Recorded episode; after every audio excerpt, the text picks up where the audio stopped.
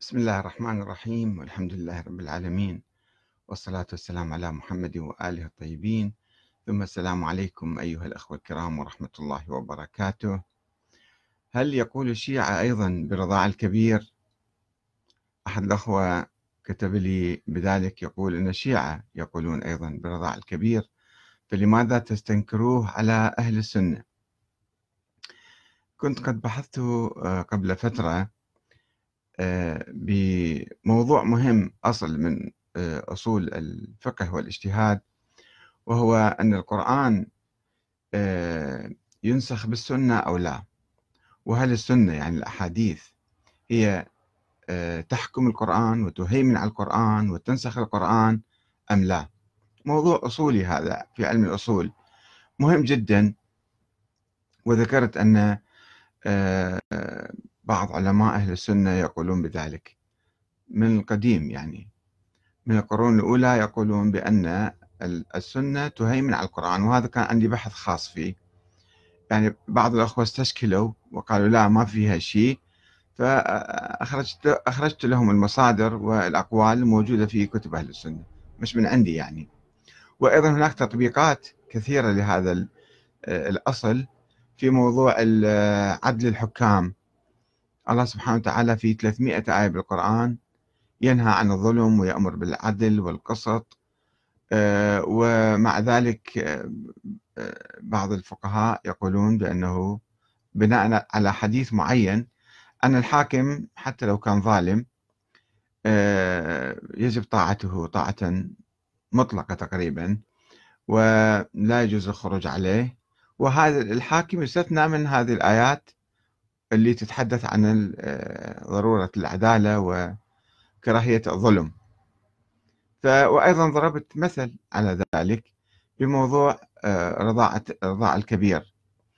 أنه الكبير عمره 15 16 سنة آه، شاب عنده شوارب و يعني يجي يرضع من امرأة كبير حتى تحرم عليه. مثل أمه وبالتالي يقدر يشوفها بعد بدون حجاب بدون كذا. وتذكرون قبل عشر سنوات أيضا شيخ من شيوخ الأزهر آه، صرح بذلك. وآخرون لا يزالون يعني يترددون في هذا الحديث. البعض يقول بأنه هذا حديث خاص ل آه، سالم أم سالم يعني. في موضوع سالم بن أبي حذيفة أو لا هذا حديث عام. وأنه شرب الحليب آه، من الثدي مباشرة أو بكأس. يختلفون السنة. ولكنهم يصححون هذا الحديث. حتى الآن يقولون هذا الحديث صحيح سواء كان خاص ولا كان عام. ولا كيفية الشرب كيف أيضا؟ آه الألباني يقول شو فيها يعني حتى لو اشرب من الحلمة يعني مو مشكلة. والمصافحة يقولون حرام. ويجي شاب غريب يشرب حليب من ثدي امرأة فهذا حلال وحتى يصير حتى يصير عليه هي محرم يصير عليه يعني. تفكير مقلوب يعني تقريبا تفكير خاطئ. فهنا أحد الأخوان تداخل علينا اسمه آه، قبطان نامك. ما ذاكر اسمه بصراحة بالحقيقة بس يبدو من لهجته. أحيانا يكتب باللهجة الشعبية. يبدو يبدو عراقي ويبدو عليه أيضا من المشايخ يمكن. يعني من من مداخلاته وكذا هكذا أفتهم من عنده. بس مع الأسف ما يذكر اسمه بصراحة حتى نناقشه بصراحة. فكتب موضوع أنه الشيعة أيضا يقولون برضاع الكبير. جاب فتاوى وجاب آراء وجاب كذا من مراجع الشيعة. وأنا نقلت كلامه كما هي عادتي يعني أنقل الردود التي تأتيني ثم أرد عليها. بعض الأخوة سامحهم الله استعجلوا بسرعة فشنوا هجوما علي. أو هذا أحمد الكاتب كذا كذا شوف شلون يتكلم وكذا. طيب شنو ما في قلوبهم من يعني مواقف سلبية طلعوها اليوم. آه، في صفحتين عندي آه، على الفيسبوك و صاروا يهاجموني إلي. شوفوا اسم الكاتب فوق مكتوب بالإنجليزي ما أعرف ما يعرفون يقرون إنجليزي أو ما انتبهوا أو حسبوا أو أرادوا يعني إيه، يطلعون حيفهم بي اليوم. على أي حال إيه، مو مشكلة هذه سامحهم الله. بس خلينا نقرأ شوف الأخ شلون يعني يحاول. طيب نفترض نفترض نفترض الشيعة أيضا قالوا بهذا الكلام. نفترض. يساعدهم الشيعة في أماكن أخرى أيضا في أخطاء من هالقبيل. بس في هذا الموضوع ما عندهم فتوى فتوى مشهورة على أهل السنة. طيب إحنا نقول الأصل هذا خطأ. القرآن أولا والسنة لا يعني تنسخ القرآن ولا تهيمن على القرآن وإنما يجب أن نتمسك بالسنة بالقرآن فقط. فجاي يعرض لي مجموعة هذا عن أبي عبد الله. طيب منين؟ ما جاب لا الشيعة عندهم أحاديث كثيرة وهم ما يقولون إحنا عندنا كتب الحديث مثل الكافي اللي هو أهم وأول كتاب بالحديث أنه هذا مثل البخاري ومثل مسلم ومثل كتب الصحاح ما يعتبروه صحيح. في القرون الأولى في القرن الرابع أو بعض الأخباريين كانوا يعتبرون ذلك أنه هذا كل كل شيء صحيح بالكافي ولكن الأصوليين الشيعة اللي عامتهم الآن يسموهم أصوليين اللي هم آه، ينقحون الأحاديث. حتى الأخباريين قسم من عندهم أو كثير من عندهم أيضا لا يصححون كل الكافي. المجلسي مثلا كما تعرفون دائما أكرر الشيء هذا أن المجلس يقول 9500 حديث بالكافي ضعيفة. ف يعني إذا جبت لك حديث مو معناته العلماء يأخذون بهذه الأحاديث. أو يطبقوها إنما ينظرون في الأحاديث. ولذلك إحنا لازم نرتفع عن هذا الجدل. أن الشيعة يقولون إذا إذا صار كلام السنة صحيح؟ أو إذا السنة قالوا شيء إذا كلام الشيعة صار صحيح؟ إذا السنة رووا رواية ضعيفة ومو صحيحة ومو معقولة مثلا. يعني الشيعة يأخذوها ويعملون فيها ويقولون هاي الرواية صحيحة؟ هذا أيضا مو صحيح الشكل فلازم إحنا المبدأ نثبته ونمشي عليه. بدون يعني جدل يعني عقيم. آه، فيقول لك الرواية عن أبي عبد الله. منين منو كذا شلون عن عبد الله؟ بيا كتاب؟ مو مشكلة. يجيبها طبعا هو المصادر مالته بس شنو السند مالها؟ إذا قال شوفوا شلون المغالطة هنا. قال إذا رجع إذا رضع الرجل من لبن امرأة حرم عليه كل شيء من ولدها. وإن كان من غير الرجل الذي كانت أرضعته بلبنه. وإذا رضع من لبن رجل حرم عليه كل شيء من ولده وإن كان من غير المرأة التي أرضعته.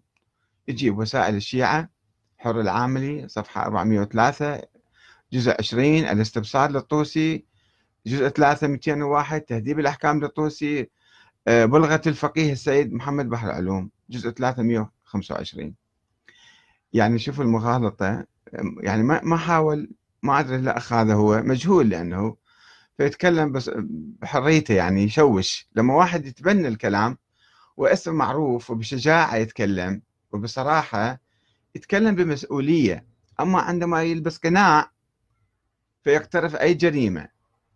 يلبس قناع لما يسمي اسمك قبطان نامك هذا مو اسم معقول أو اسم معروف يعني. فتتكلم أي شيء وما تستحي بعد. لازم واحد يكون شوي عنده إنصاف وعنده مسؤولية في الكلام. إذا رضع رجل من لبن امرأة من كان طفل صغير مو يعني هو الآن هذا الآن وقت الزواج يتزوج من بنت ذيك المرة اللي رضعتها ما يصير. حرام. أو بنت ذاك الرجال صاحب الحليب يعني مو يرضع من الرجال. يعني شوف إيش قد متسرع في في فهمه. أن واحد رضع من امرأة الحليب مال الامرأة كان من رجل يعني متزوجة من رجل وجايبة أولاد وبالتالي الحليب ينسب إلى الرجل. هذا حليب الرجل ذاك. فإذا رضع من هذه الامرأة بنات ذلك الرجل أيضا يحرمن عليه. مسألة واضحة ومعروفة وبديهية وما فيها يعني هواية يعني واحد يدوخ نفسه. بس الأخذ الأخ أخذ يعني هذه العبارة أو هذا الحديث حتى يشهر على الشيعة وأنتم أيضا تقولون سامعين والله الشيعة يقولون ب الشيعة يقولون بالمتعة. هذا معروف وموجود. بس لا يقولون بأن رضعة الكبير هذا حديث واحد مروي عن السيدة عائشة أم المؤمنين ويصححون هذه الرواية أن هاي الرواية صحيحة. سندها صحيح. هسه متنها يتناقض مع القرآن فمو مشكلة. ما دام الرواية صحيحة بالسند فالرواية تهيمن على القرآن. وتحكم القرآن. حتى حتى حتى في الحالة الخاصة شلون النبي يتجاوز القرآن ويتجاوز كل الحدود الشرعية؟ ويعني يقول لها مو مضطرة هي يعني أنه تكشف آه، شعرها أو جسمها أمام ذاك الطفل المتبنى سالم. بس سويها مو مجبورة. مو مجبورة. فلماذا آه، النبي أمرها روحي أنت ارضعي هذا الشاب؟ قالت له مو هذا كبير وعنده شوارب. قال إيه مو مشكلة. كلام مو معقول. ولكن المتن صحيح. هذه المشكلة يعني أيضا تلقي هذا التصحيح هذا الحديث يلقي آه، بأسئلة على كل التصحيحات اللي يصححون الأحاديث. ويقولون إحنا الأحاديث دائما منقحيها ودارسين سندها ومدققين فيها. بس المنهج خطأ. منهج التصحيح يبدو خطأ أيضا. أن تصحح أنت في المنهج فلان عن فلان هذا خوش أدمي هذا خوش أدمي هذا خوش أدمي بالتالي الحديث صحيح. هذا هنا الإشكال أنه كثيرا من الأحاديث الجاية لأنه مروية مثلا صحابي. الصحابة كلهم عدول فاذا الحديث صحيح. مروية عن مثلا ناس من جماعتنا من مذهبنا من خطنا فاذا الحديث صار صحيح. هذه مشكلة تصحيح الأحاديث وتضعيفها أيضا في المشكلة عند أهل السنة وعند عموم الناس عموم آه، المحدثين شيعة وسنة. وهناك أيضا يواصل هذا الأخ قبطان نامك. يقول وهناك روايات في الرضاع وردت في كتب الشيعة ومنها عن التهذيب في الموثق عن جميل بن دراج عن أبي عبد الله عليه السلام. قال إذا رضع الرجل من لبن امرأة حرم عليه كل شيء من ولدها. نفس تقريبا الرواية. فقد تبين من الرواية وتصحيح العامل لها والطوسي وغيرهما. آه، أمرا آه، أن علماء الاثني عشرية قالوا بصحة رضاعة الرجل الكبير من المرأة رجوعا لقول أبي عبد الله في الرواية الآنفة الذكر. يا أخي العزيز على كيفك يا أخ قبطان؟ من ممكن نحن نناقش الأمور بهذه الصورة؟ يعني كل الروايات اللي تجيبها بعدين وبعضها يجيب روايات آه، يعني آه، ما له علاقة بالموضوع روايات خرافية أو أسطورية أو معاجز على قولتهم. أنه عن أبي عبد الله لم يرضع الحسين من فاطمة ولا من أنثى كان يؤتى فيضع إبهامه في فيه يعني النبي يضع فيمص منها ما يكفيه اليومين مثلا حكي في روايات كثيرة خرافية في في كتب الأحاديث وهذا ما شكل ما له علاقة بالموضوع ما له علاقة برضاعة الكبير. افترض قصة واحد جاب له أسطورة دي يتكلم فيها. فهذه ما عندنا مشكلة فيها. جاء في صحيح ابن حبان إن بعدين يجي على السنة إرضاع الكبير كما هو مذكور في الكتب السنية. جاء في صحيح ابن حبان آه، أن امرأة أبي حذيفة قالت عندما نزل قوله تعالى آه، ادعوهم لآبائهم هو أقسط عند الله كنا نرى سالما ولدا كان متبنيه هو يعني هذا. رواه البخاري ونظر وانظر الإصابة وفي رواية بلغ ما بلغ الرجال وعلم ما علم الرجال يعني صار ناضج جنسيا. وفي رواية عقل ما يعقل الرجال رواه مسلم. أي أنه كان حدثا حتى لو كان حدث يعني حتى لو كان عمره عشر سنين بعد ما يسموه يرضع هذا.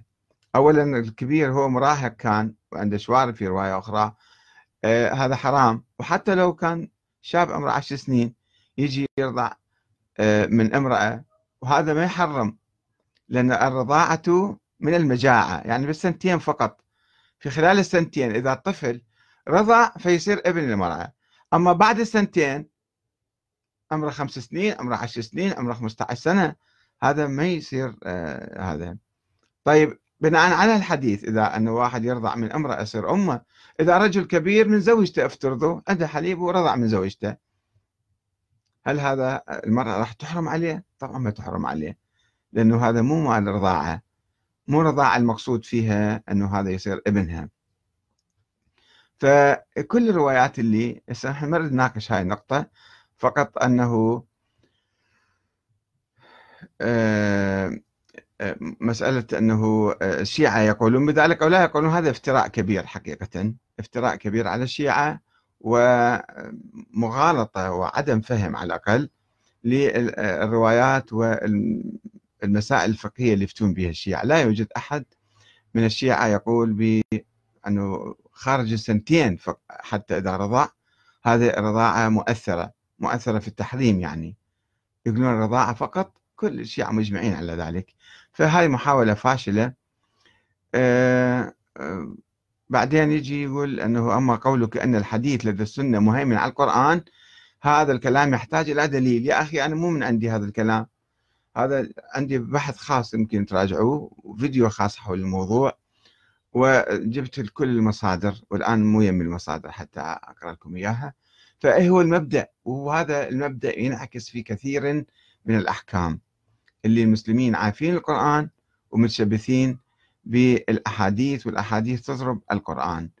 آه، طبعا هناك أيضا مسألة العقل ومسألة العلم أن إذا حديث ينافي العلم حديث ينافي العقل في أفكار نظريات كذا مو معقولة لأنه جاي في الحديث إحنا نتمسك بالحديث ونعيف القرآن ونعيف العقل ونعيف العلم ونعيف الواقع ونتمسك بهذا الحديث. سواء عند السنة أو عند الشيعة. ثم أنا من أتكلم معك يا أخي العزيز قبطان أنا ما أتكلم معك بصفتي أنا شيعي إذا أتكلم وياك. أنا أقول لك هذا الأصل غير صحيح. إذا أنت تتفق معي في الموضوع يعني أنت الآن يبدو عليك ترفض هذا المبدأ أن السنة مهيمنة على القرآن. جيد. إذا أنت كنت ترفض هذا المبدأ فروح راجع كثير من الفتاوى الفقهية اللي الفقهاء يفتون خلاف القرآن. وإذا كان افترض علماء سابقا قالوا فأنت مو ملزم طبعا أنت يمكن تقول أنا ما أؤمن بهالشيء هذا. أما لا تقول يحتاج إلى دليل. دليل موجود وقدمناه وقالوا إحنا ما نريد نسجل نقاط. أن والله الشيعة قالوا كذا أو السنة قالوا كذا. إحنا في حوارنا هنا نحاول أن آه، نتوصل إلى منهج جديد في التعامل مع القرآن ومع التراث مع الأحاديث مع القصص. أنه نأخذ القرآن أولا ونضع الأحاديث جانبا أو إذا تفسر القرآن ممكن نقبل بها آه، تشرح القرآن ممكن نقبل بها أما تضاد القرآن أو تناقضه أو مثلا تخصصه أو أو تقيده أو كذا أيضا هذه آه، مشكلة فيها. يشبه النسخ أو السنة تنسخ القرآن مثلا لا. آه، موضوع المتعة مثلا أن السنة تنسخ القرآن القرآن آية واضحة وصريحة ومجمع عليها عند السنة وعند الشيعة. يعني نزلت في زواج المتعة. يجي واحد يقول لك لا النبي قال حديث معين هذا الحديث نسخ القرآن. فهل هذا الأصل تؤمن به أو لا؟ أن الحديث ينسخ القرآن أو لا؟ إذا ما كنت تؤمن به فجدا مهم وإحنا نتفق معك ما عندنا مشكلة.